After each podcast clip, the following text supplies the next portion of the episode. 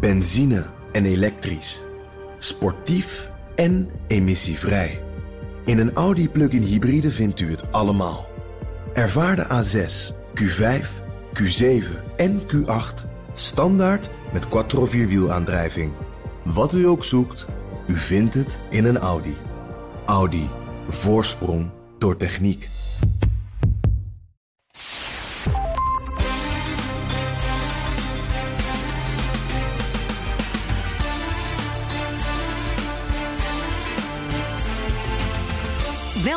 Aflevering 14 van de Italië-podcast. Ik ben Donatello Piras. En ik ben Evelien Redmeijer. En in deze aflevering schieten we van hogere naar lagere cultuur, van low naar highbrow. We gaan het zoals beloofd over fijne Italiaanse, vertaalde uiteraard, boeken hebben voor in de schoen of onder de kerstboom. Want met de lockdown lezen mensen meer. En als we niet kunnen reizen, ja, is reizen in het hoofd met een fijn boek over Italië een mooi alternatief. Maar natuurlijk gaan we het ook hebben over. Ja, Diego Armando Maradona. Want wat heeft deze man voor het Italiaanse, hè, we focussen het dan maar een beetje op Italië, betekend. Uh, en vooral voor Napoli. Ja, ja precies. En, en voor de stad Napels natuurlijk, niet alleen het voetbalteam. En wat is er waar van de banden met de maffia van Pluisje? Genoeg spannends te bespreken. Wat u nog nergens heeft gehoord, dat uh, garandeer ik. Maar laten we beginnen om ons drankje open te maken. Gingerino, vertel Donatello. Dit is uh, jeugdsentiment. Ja, ik was hier heel blij mee. Kijk, het is, we, we hebben, ik heb dit ooit een keer genoemd. Toen hebben we het gehad over de Italiaanse aperitivi. We zijn al een keer uh, non-alcoholic gegaan. En toen zei ik, ja, eigenlijk... Hè, toen dronken we Crodino. En toen dacht ik, Gingerino. Ja, dat was een van mijn allereerste aperitiefjes. Gardameer, Lazise Sulgarda, Italië, zondagmiddag. En dan deed je... En het blijkt uh, dat je hem uh, ook gewoon uh, in Nederland kunt, kunt krijgen. Dus de mensen van Vianello Aperitivo waren zo aardig om ons eventjes een paar exemplaren toe te dus, dus nu drink ik in Nederland, eerste keer ever, dat moet ik wel toegeven, een Gingerino. En hoe vind je hem? Ja, ik vind het super hem natuurlijk. Ja, hartstikke lekker. Het is namelijk ook echt wel, de Italianen zetten, zitten goed in hun aperitiefjes die alcoholvrij zijn. Ja. Dus nou ja, zoek het op en probeer eens als je de Crodino moe bent. Ja, maar, of de alcoholvrije rocks, wijn is gewoon nog altijd niet te doen. Tenminste, ik heb nog nooit een goede gedronken. Ook wat dat betreft, als mensen daar anders over denken, ik, uh, ik ontvang ze graag. Ik ben benieuwd. Maar ja, we zitten hierbij. Uh, het heeft weinig te maken met het gure december weer buiten. Helemaal niet. We zitten hier in een soort uh, gezellige die met oranje, ook? Ja, Ja. oranje drankje, ijs, ijsblokjes ja, ijsblokje erin. erin, inderdaad. Ja. Maar dan heb ik voor jou Mm. Fonzies meegenomen. Oh ja, dat zijn dus echt. Dat zijn gewoon echt de klassieke eh, chipjes. die ik eigenlijk alleen nog maar in Italië heb gezien, de Ja. De- Ik denk dat nu alle mensen die naar de podcast luisteren en een beetje Italië-kenner of fan zijn, die roepen: Ah, de Fonzies.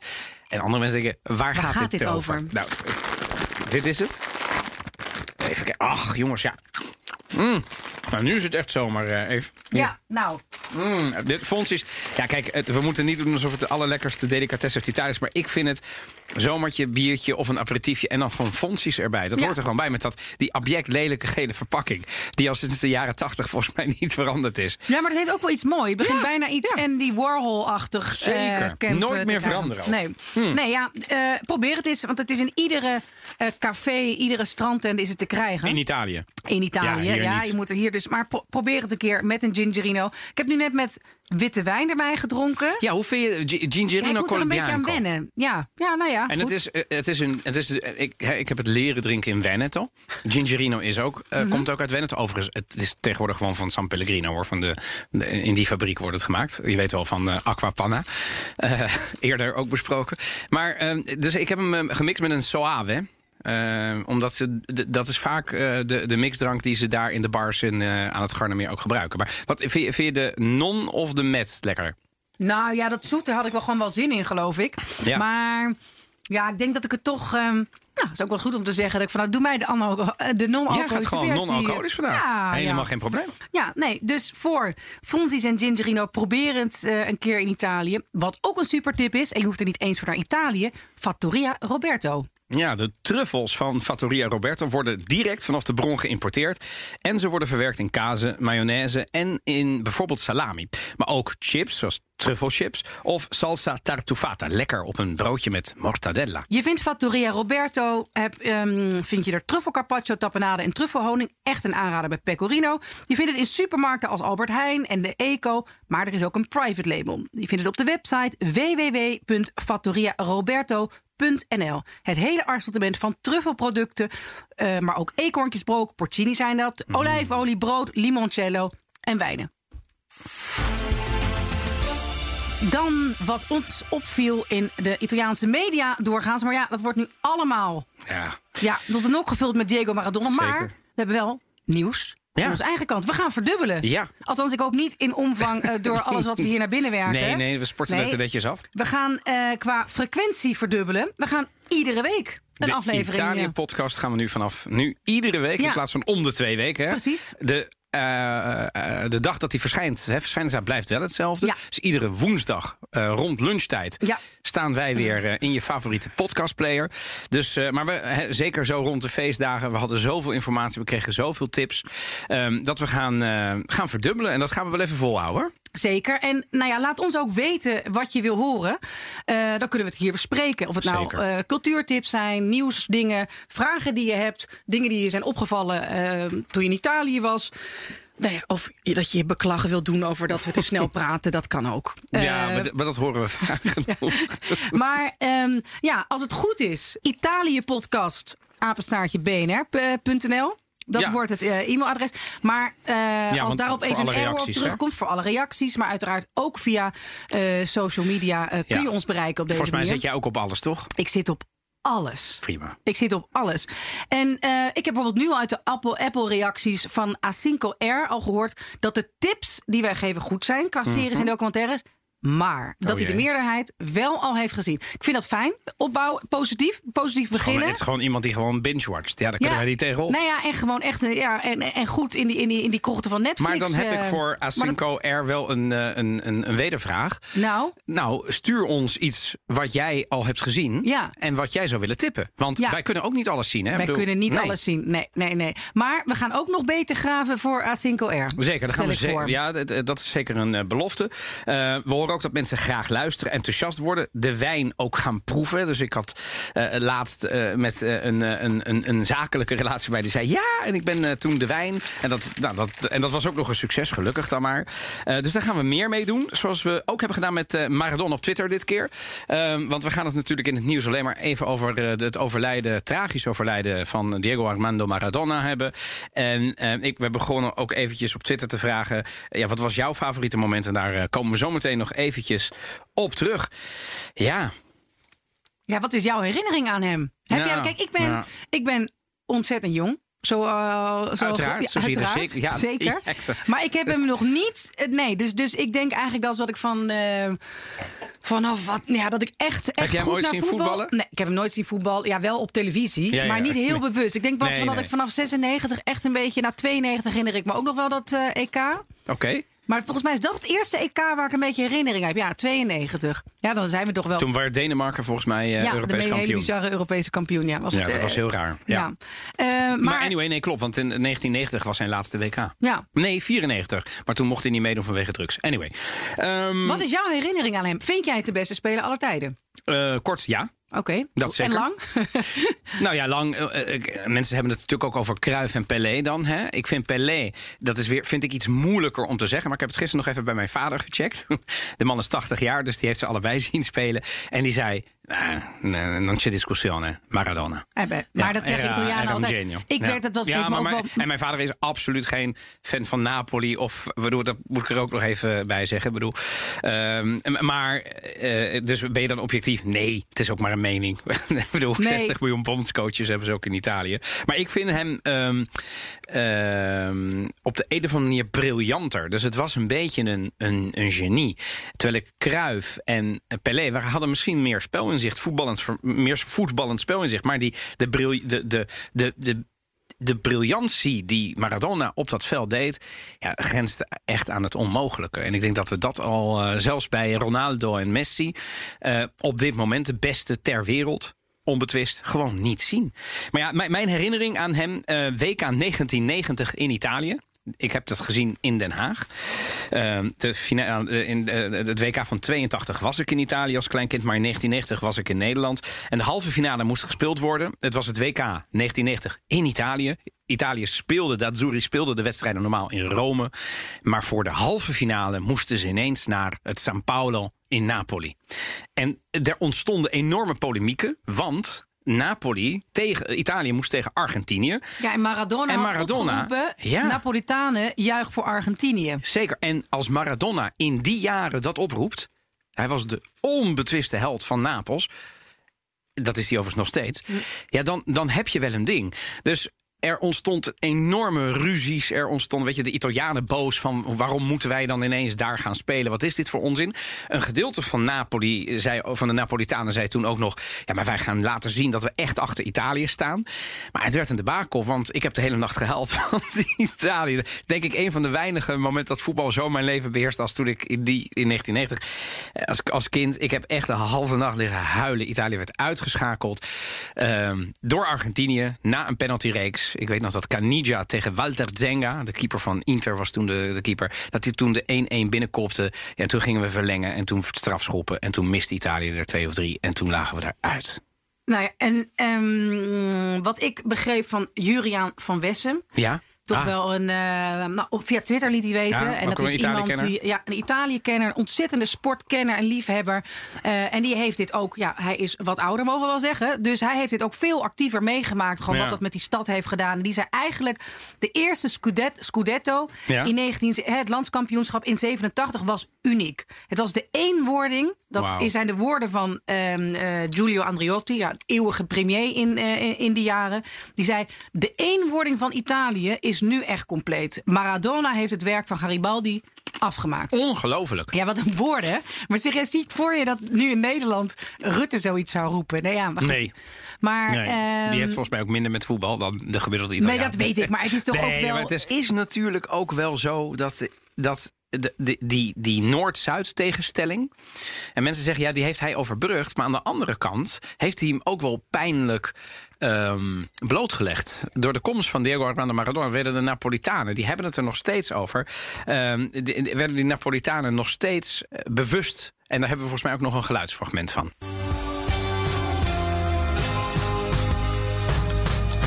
in Italia ci sono squadre più importanti, ma non potranno mai avere la storia passionale che ha questa città.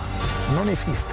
A Napoli si vive, eh, come ben sanno tutti, si vive di calcio come dappertutto, ma a Napoli un pochino in più. Ho avuto la fortuna e l'onore davvero di indossare questa maglia e è pesante. È pesante. Ja, ze zeggen eigenlijk in heel Italië houden ze van voetbal, maar in Napoli is het toch echt een ander verhaal. Ja, en, en eh, weet je, we hebben het er vaak ook over gehad hè, hier binnen in de Italië-podcast over bijvoorbeeld supporters en over discriminatie in het voetbal.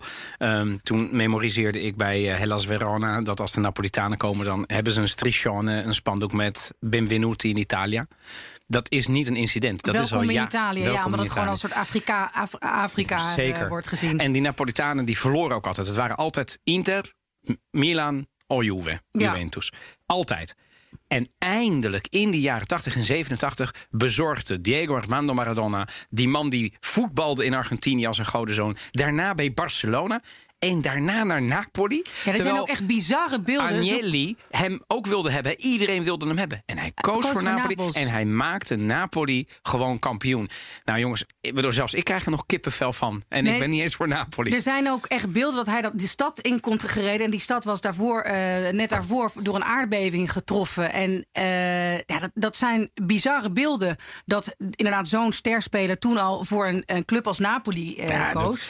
Maar je ziet ook als je nu in Napels bent, zie je nog steeds gigantisch. Sowieso is dat shirt overal. Ja? Er is nergens eh, een winkel met ehm Polaria van, van Napoli, eh, Napoli, waar dan geen Maradona eh, wordt uitgekocht. Er zijn nog, er is nog, er zijn nog mokken, bekers, shirts, alles. Allerlei poppetjes voor in de kerststal. Ja, ja. Je kunt Maradona in de kerststal Maar daar zijn ze ook goed in. Hè? Napoli, misschien dat, dat in een van de volgende afleveringen... de kerststallen van Napels zijn wel... i presepi zijn wel beroemd. Maar daar zitten dus niet alleen maar de religieuze figuren in. Ze ook frommelen daar gewoon Van alles. Maar hij is de iedereen best verkochte, niet, oh, eh, niet religieuze figuur. Maradona? Ja, en er zijn nog mia. steeds gigantische eh, ja, eh, muurschilderingen. Dus die hele stad is gewoon nog ja, gek van, eh, van, van Maradona. En heeft dat ook altijd ja, gevoed hè, door te zeggen: Ik ben Napolitaan en ik hoor bij jullie. Maar dat, dat, wat je, dat vind ik heel belangrijk. Hij zei ook Sono Napoletano.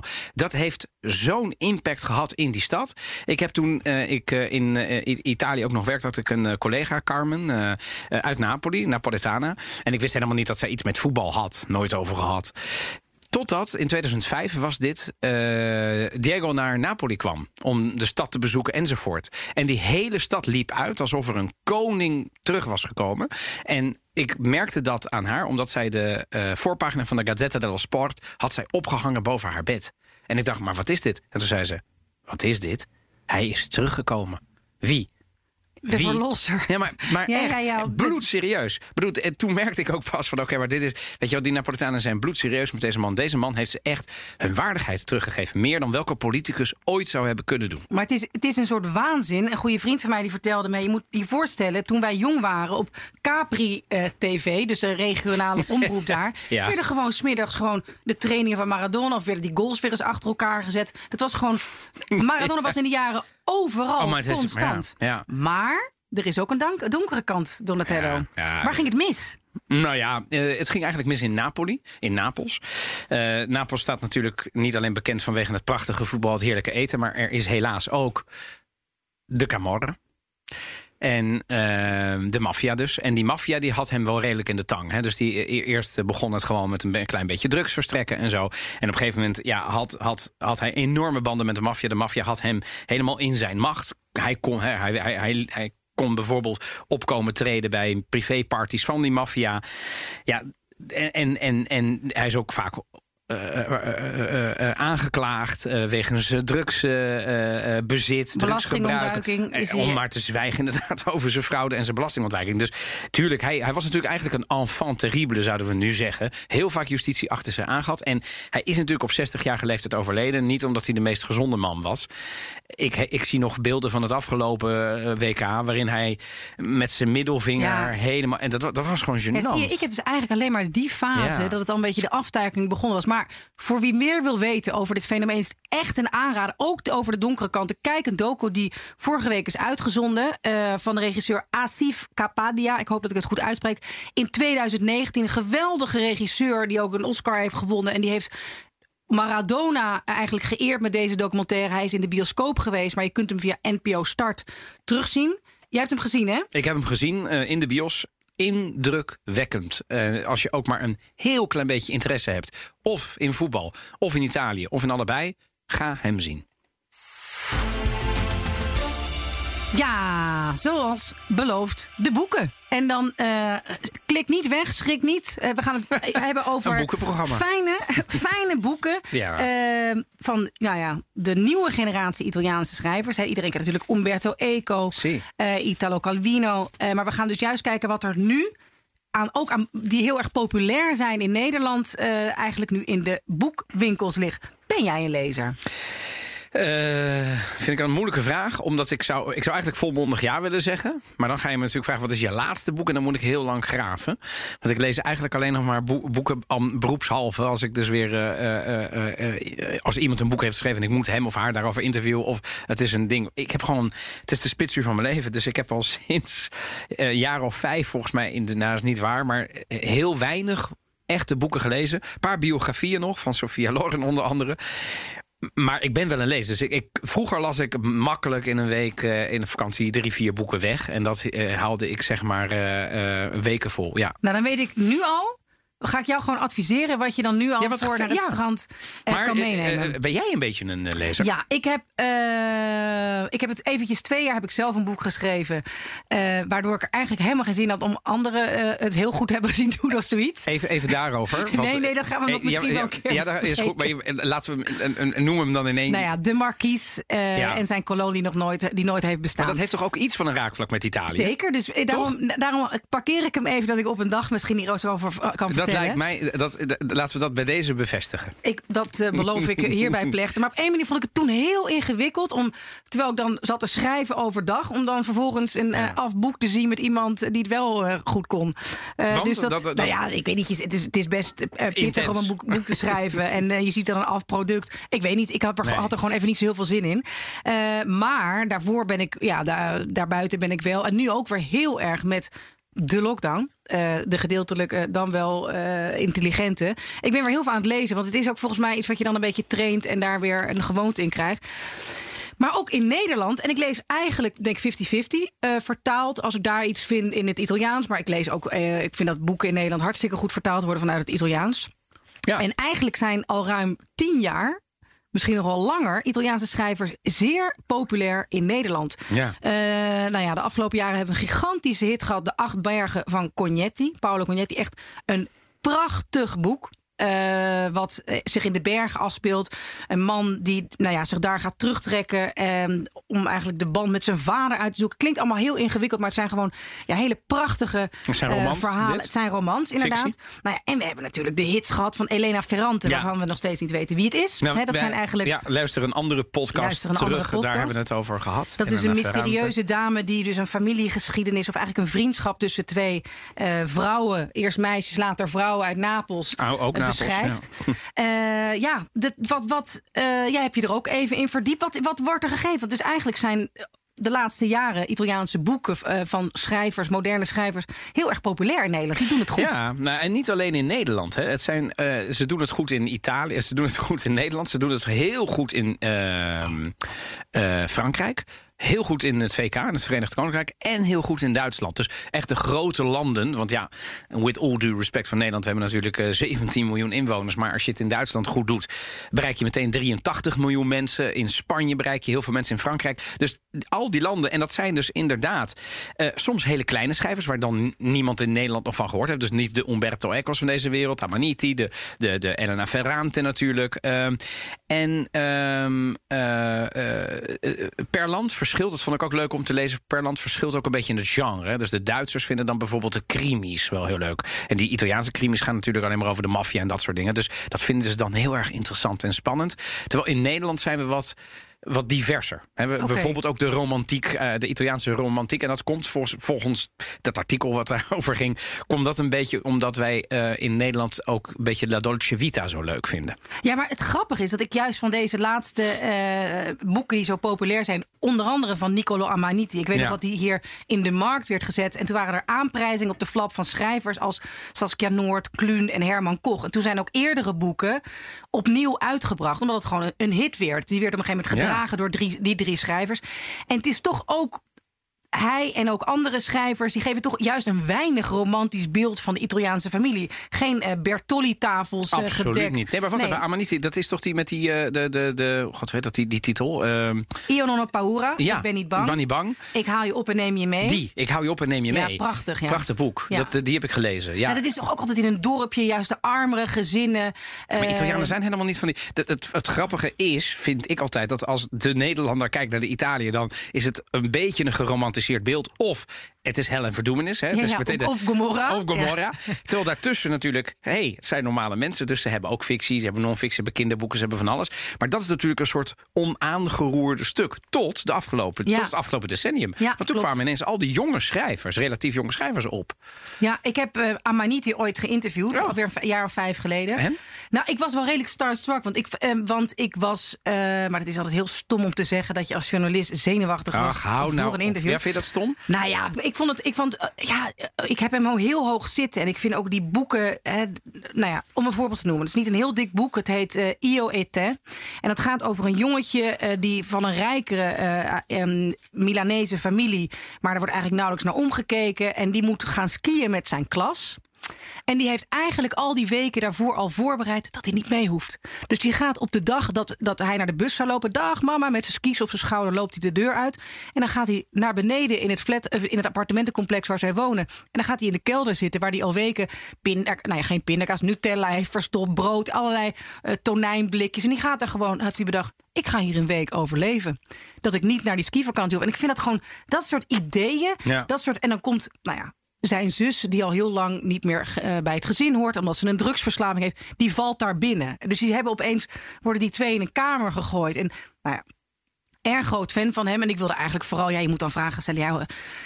Hoe kom je op ideeën? Hoe schrijf je? Hoe is het proces? Uh, En hij liep daar, ja, ik ging op een gegeven moment zijn honden uh, fotograferen. En dat zag je toen. En dat was toen een heel, heel ingewikkeld moment. Want?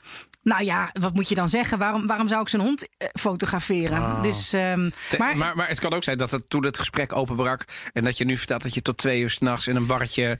hele goedkope flessen wijn hebt leeggeslopperd. Met nee, nee, nee. Het was, het was overdag. hij had er duidelijk niet zo heel veel zin in. Okay. Maar hij had, hij had wel in mijn. hij had in mijn boek gezet wat ik had meegenomen om te laten signeren. Evelien, goed geschreven. Uh, Dank je wel voor de mooie vragen. Nou, ik was echt. Ik smolt toen ik eenmaal. In het Nederlands? Nee, oh, nee. Donatello. Mijn hemel, niet in het Nederlands. Niet in het Nederlands. Nee, maar oké, okay, maar dus je hebt een gesigneerd boek van. Nicola Amaniti. Amaniti ja. Ja, ja, ja. Oh, die, ja. Mij, die mij complimenteerde met een mooie vraag. Ik weet niet of er nog uh, 3000 wow. journalisten over de hele wereld zijn met eenzelfde tekst. Maar goed, dat ik maakt niet uit. Denk, heb ik ooit een boek, uh, ergens een boek gesigneerd gekregen, behalve van vrienden. Je mag mijn ouders. boek. Ja, ik zal jouw uh, boek wat. ja, een exemplaar. Zal maar, ik signeren. Wow. Maar goed, we hebben Paolo Giordano. Eh, van de eenzaamheid van de priemgetallen. Ook verfilmd. Dat zeg is ik ook, dat goed? Ja, eenzaamheid van de priemgetallen. Ook verfilmd. Dat helpt natuurlijk ook. Maar dat is trouwens ook een best wel moeilijk boek, toch? Ja, maar dat is toch ook. Ja, het zijn altijd van die gebroken figuren. Ja, nee, nee, maar ik bedoel, heel... dat is niet een boek waarvan je zegt. Oh, ik hou van Italië, ik ben Italië-liefhebber. Nee, La Dolce Vita. Exact. En met een, met een stokbroodje op een berg. Nee. Paolo nee, nee, Giordano. Nee. Ja, nee, het is Twisted allemaal... as hell. Twisted as hell. En die heeft nu een ander nieuw uh, boek. Uh, zo denk ik twee jaar oud. De Hemel verslinden. Ook prachtig. Eh, probeer het eens een keer. Uh, die kan ik je ook echt van harte aanbevelen. Die heb je, dus die heb je je uitlenen. Ja, ja, ja, ja. Maar zijn de Italianen eigenlijk lezers? Men zou denken van wel. Ja, maar... dat, nou, uiteraard. Want ze, zei, ze hebben de Renaissance, Dante Alighieri, de grote schrijvers al sinds de middeleeuwen. Maar het is erbarmelijk gesteld met de leesvaardigheid in Italië. Ja. Ik, heb, ik heb de statistieken er ook. Niet dat ik dit niet wist, natuurlijk. In de zin, ik wist de cijfers niet, maar ik wist dat het heel slecht gesteld was. Italianen lezen doorgaans heel weinig, staan altijd onderaan in de EU. Erg, hè? En het is heel erg. En ik zie dat, uh, ja, mi dispiace di nuovo, maar je mag raden waar de tweedeling loopt. Het is weer Noord-Zuid. Ja. Jeetje. Hier wordt hier het noorden wordt. Ik laat nu een, een, een grafiekje zien, zeg maar. Het is echt waarin het noorden donkerrood is. En daar wordt natuurlijk in Bolzano en in Valle d'Aosta en in, in, in Lombardia en in Friuli wordt nog relatief goed gelezen. Sicilia, Basilicata, eh, Puglia. Het is een drama. Dat is een, dan hebben we het echt over een dichtheid van Calabrië. 25% van de mensen boven de zes jaar heeft, al, eh, heeft tenminste één boek gelezen. Dus als je één boek leest. Dan mag je op die. Uh, dan, mag, dan sta je hier al bij. Op, en daarvan erg. weten we dat mensen die één boek lezen. Ja. Ja, dat, dat, vanaf zes jaar, dat kan ook het boekje zijn. Dus die statistiek van mensen die echt gewoon actief naar de boekhandel gaan, ja. is nog veel lager. Eén ding viel me nog wel op. Hè, dan zou je denken Sardinië. Maar Sardinië, dat is een prima middenmoot. Het doet gewoon mee hey, met het noorden. En daar ben je blij mee. En daar ben ik super blij mee. Ja, en ik heb ook een nicht die is, die, die is een, een, een, die getrouwd met een uitgever. En die geeft uh, uh, nog net niet zelf boeken uit. Maar die is de uitgever van een beroemde, van, hoe heet ze? Michaela Murgia. Goede Ja. schrijver trouwens. Daar heb ik ook boeken van gelezen. De Acabadora. Dat is een erg interessant boek. Overigens ook niet La Dolce Vita. Dat gaat over iemand in de antieke geschiedenis van uh, Sardinië. Het is apart eiland.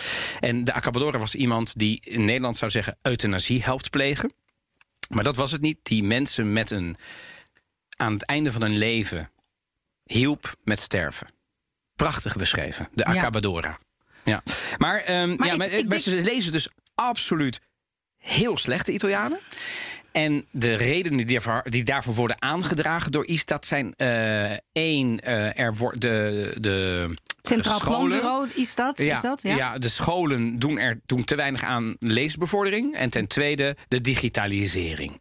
Maar ja, Ja, digita- dat is toch overal? Ja, maar ik denk eh, het onderwijs in Italië is misschien ook nog een keer interessant om over te praten. Het is weinig enthousiasmeren. Het is heel veel stampen uit je hoofd weten. Allerlei rijtjes opdreunen. Dante uit je hoofd leren. Ja, Ja, dat is natuurlijk recitare, niet, ja. eh, dat is natuurlijk niet heel be- be- bevorderlijk voor ja, dat je gewoon zin krijgt om te Nee. lezen. Want daar, daar moet het beginnen. Neem vooral boeken die gewoon leuk zijn. Mhm. Ik heb een tip voor je. Hmm. Ik heb ten eerste een tip voor Roos. Die ga ik de volgende keer meenemen. Want ik ben de, de, Roos is in het mijn vrouw. Ja. Ja, oké. ja. Eh, Bianca Pizzorno, de stof in haar handen. eh, gaat over eh, sterke vrouwen op Sardinië. Die op een gegeven moment, nou ja, daar, toen het allemaal nog begin vorige eeuw. nauwelijks nog plek was voor de vrouw. zich eh, nou ja, staande houden en om, omhoog werken. En ik heb voor jou, ik zat te denken. misschien dat hè, die, die, die berggebieden waar het meest wordt gelezen. Toevallig komen er heel veel boeken uit over de bergen. Paolo Giordano, of eh, sorry, Cognetti, met de acht bergen. Die heeft ook weer eh, nieuwe boeken geschreven die zich, daar, eh, die, zich daar, die daar plaatsvinden. En ik heb nu er een, tip voor jou. Hmm. Die krijg je ook van me. Ik zag Het Licht van de Nacht van Emanuele Altissimo. Het is, eh, ik zal even een stukje voorlezen Ja, het doe, ja gaat. oh, wat fijn. Heel fijn. Na de dood van hun ouders brengen de twee broers Olmo en Diego de zomer met hun grootvader door in de bergen van de Valle d'Osta. Wil je hem hebben. Het is een zomer die hun leven altijd zal tekenen. In de stilte van de bergen en het bos hopen ze rust te vinden. Maar in Diego blijven de emoties schreeuwen. Alleen zijn jongere broer, de 13-jarige Olmo, heeft door dat Diego wegglijdt in een universum waar niemand anders kan komen. Nou, het is echt prachtig. Het is echt de moeite waard. Ehm, wat, wat goed. Deze is net uit. Het is ook iets wat ik eh, mensen Mo- Nog één keer de schrijver? Emanuele Altissimo. Ook mooi, Emanuele hè? Altissimo. ja, eh, eh, zeer hoog vertaald, eh, vrij vertaald. Ehm, ja, ik, eh, Ik, ik moet toch nog één ding zeggen over ehm, eh, de, de, de, de, de, de- de- Nu het toch over Sardinië gaat. Er is een eh, eh, Italiaanse schrijfster, Sarda, Grazia Deledda... die eh, in ehm, 1926 al de Nobelprijs voor de literatuur kreeg. Kijk. Als dame. Als dame. Dus die, die staat bij ons thuis altijd heel hoog aangeschreven. Dus mijn moeder, eh, eh, ik zou niet zeggen een feminist, maar zeker geen antifeminist. Ja. altijd heeft gezegd dat de vrouwen in Sardinië altijd een zeer vooraanstaande rol hebben gespeeld. En dan noemden ze onder andere eh eh, Grazia Ja, ik had dus ehm, zat na te denken. Kijk, we hebben natuurlijk al de film, de documentaire over Maradona genoemd. Ja. En ik dacht eigenlijk, we hebben mensen al een hele boekenkast eh, om de oren Precies. geslagen. Ik dacht, muziek. Gewoon wat tips om gewoon eens iets anders op te zetten. Wat of op. Spotify eh, te zoeken. Eh Ezio Bossi, heb jij daar wel eens van gehoord? Ezio Basso. Ja. Ik zie het hier staan, maar nee. Nee, hij heeft de muziek gemaakt van Io Nonno Paura. Ken je die film? Prachtige film. Naar een boek nou, van een boek Amaniti. van Amaniti. Nee, ik heb het boek, ik heb de film niet. Ion Nee. nee. Paura. Io Nonno Paura speelt is verfilmd in dus? Calabrië. Ja, prachtige muziek. Ik heb het heel vaak op eh, in de auto. En ik gebruik het wel eens eh, onder reportages. Ik vind het hele mooie, sfeervolle muziek. Eh, En hij is componist? hij is componist, maar hij, hij speelt zelf ook. Laten we even gaan luisteren. Hij is dit jaar overleden. Ach.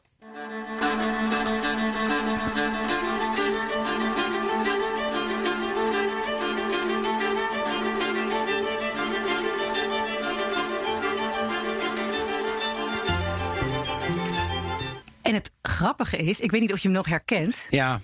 Want wij hebben op een gegeven moment een Ja. jingle. Het was bijna Ja. de leader van onze Italië-podcast. Nou ja, kijk, ze hebben voor ons muziek ontworpen. Hartstikke luxe. En, eh, en ze hadden eerst iets gemaakt wat wij niet he wat we wat te liefelijk vonden. Wat te, te rust, wat te kabbelend en zo. het was En- een beetje de pizza eten onder de toren van Pisa. Weet je wel, dat ja, idee. Dat, dat, Ja. dat idee.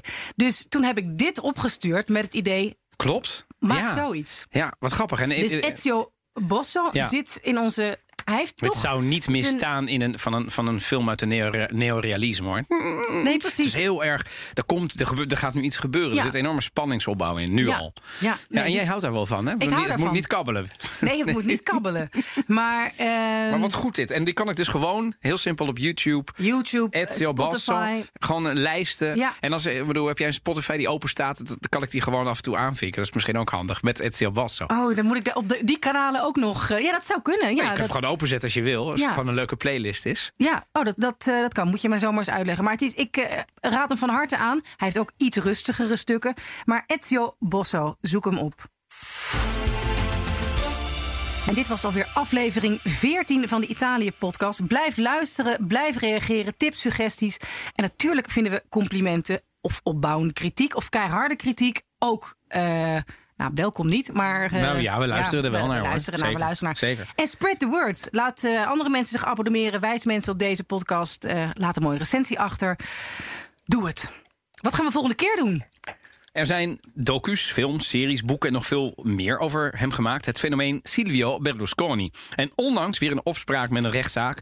ehm, eh, waar hij zeg maar wederom weer op de voorpagina's van de kranten belandt. Maar hij stijgt ook weer in de peilingen met zijn Oh. partij Forza Italia. Ja, eindelijk Dus Berlusconi. wat kunnen we nog verwachten van de 84-jarige ex-premier, media-tycoon en de ex-eigenaar van AC Milan? Dat in de volgende Italië-podcast. Volgende week dus. Wil je nog meer afleveringen van de Italië-podcast luisteren? Je vindt ons in de BNR-app of je favoriete podcastplayer. Bedankt en tot de volgende. Ciao, ciao. Ciao.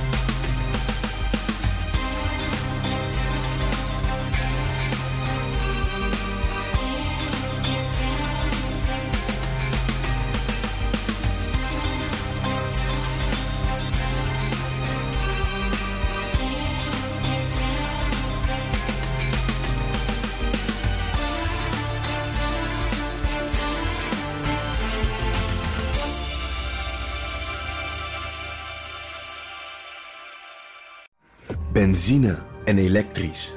Sportief en emissievrij. In een Audi plug-in hybride vindt u het allemaal. Ervaar de A6, Q5, Q7 en Q8 standaard met quattro vierwielaandrijving. Wat u ook zoekt, u vindt het in een Audi. Audi. Voorsprong door techniek.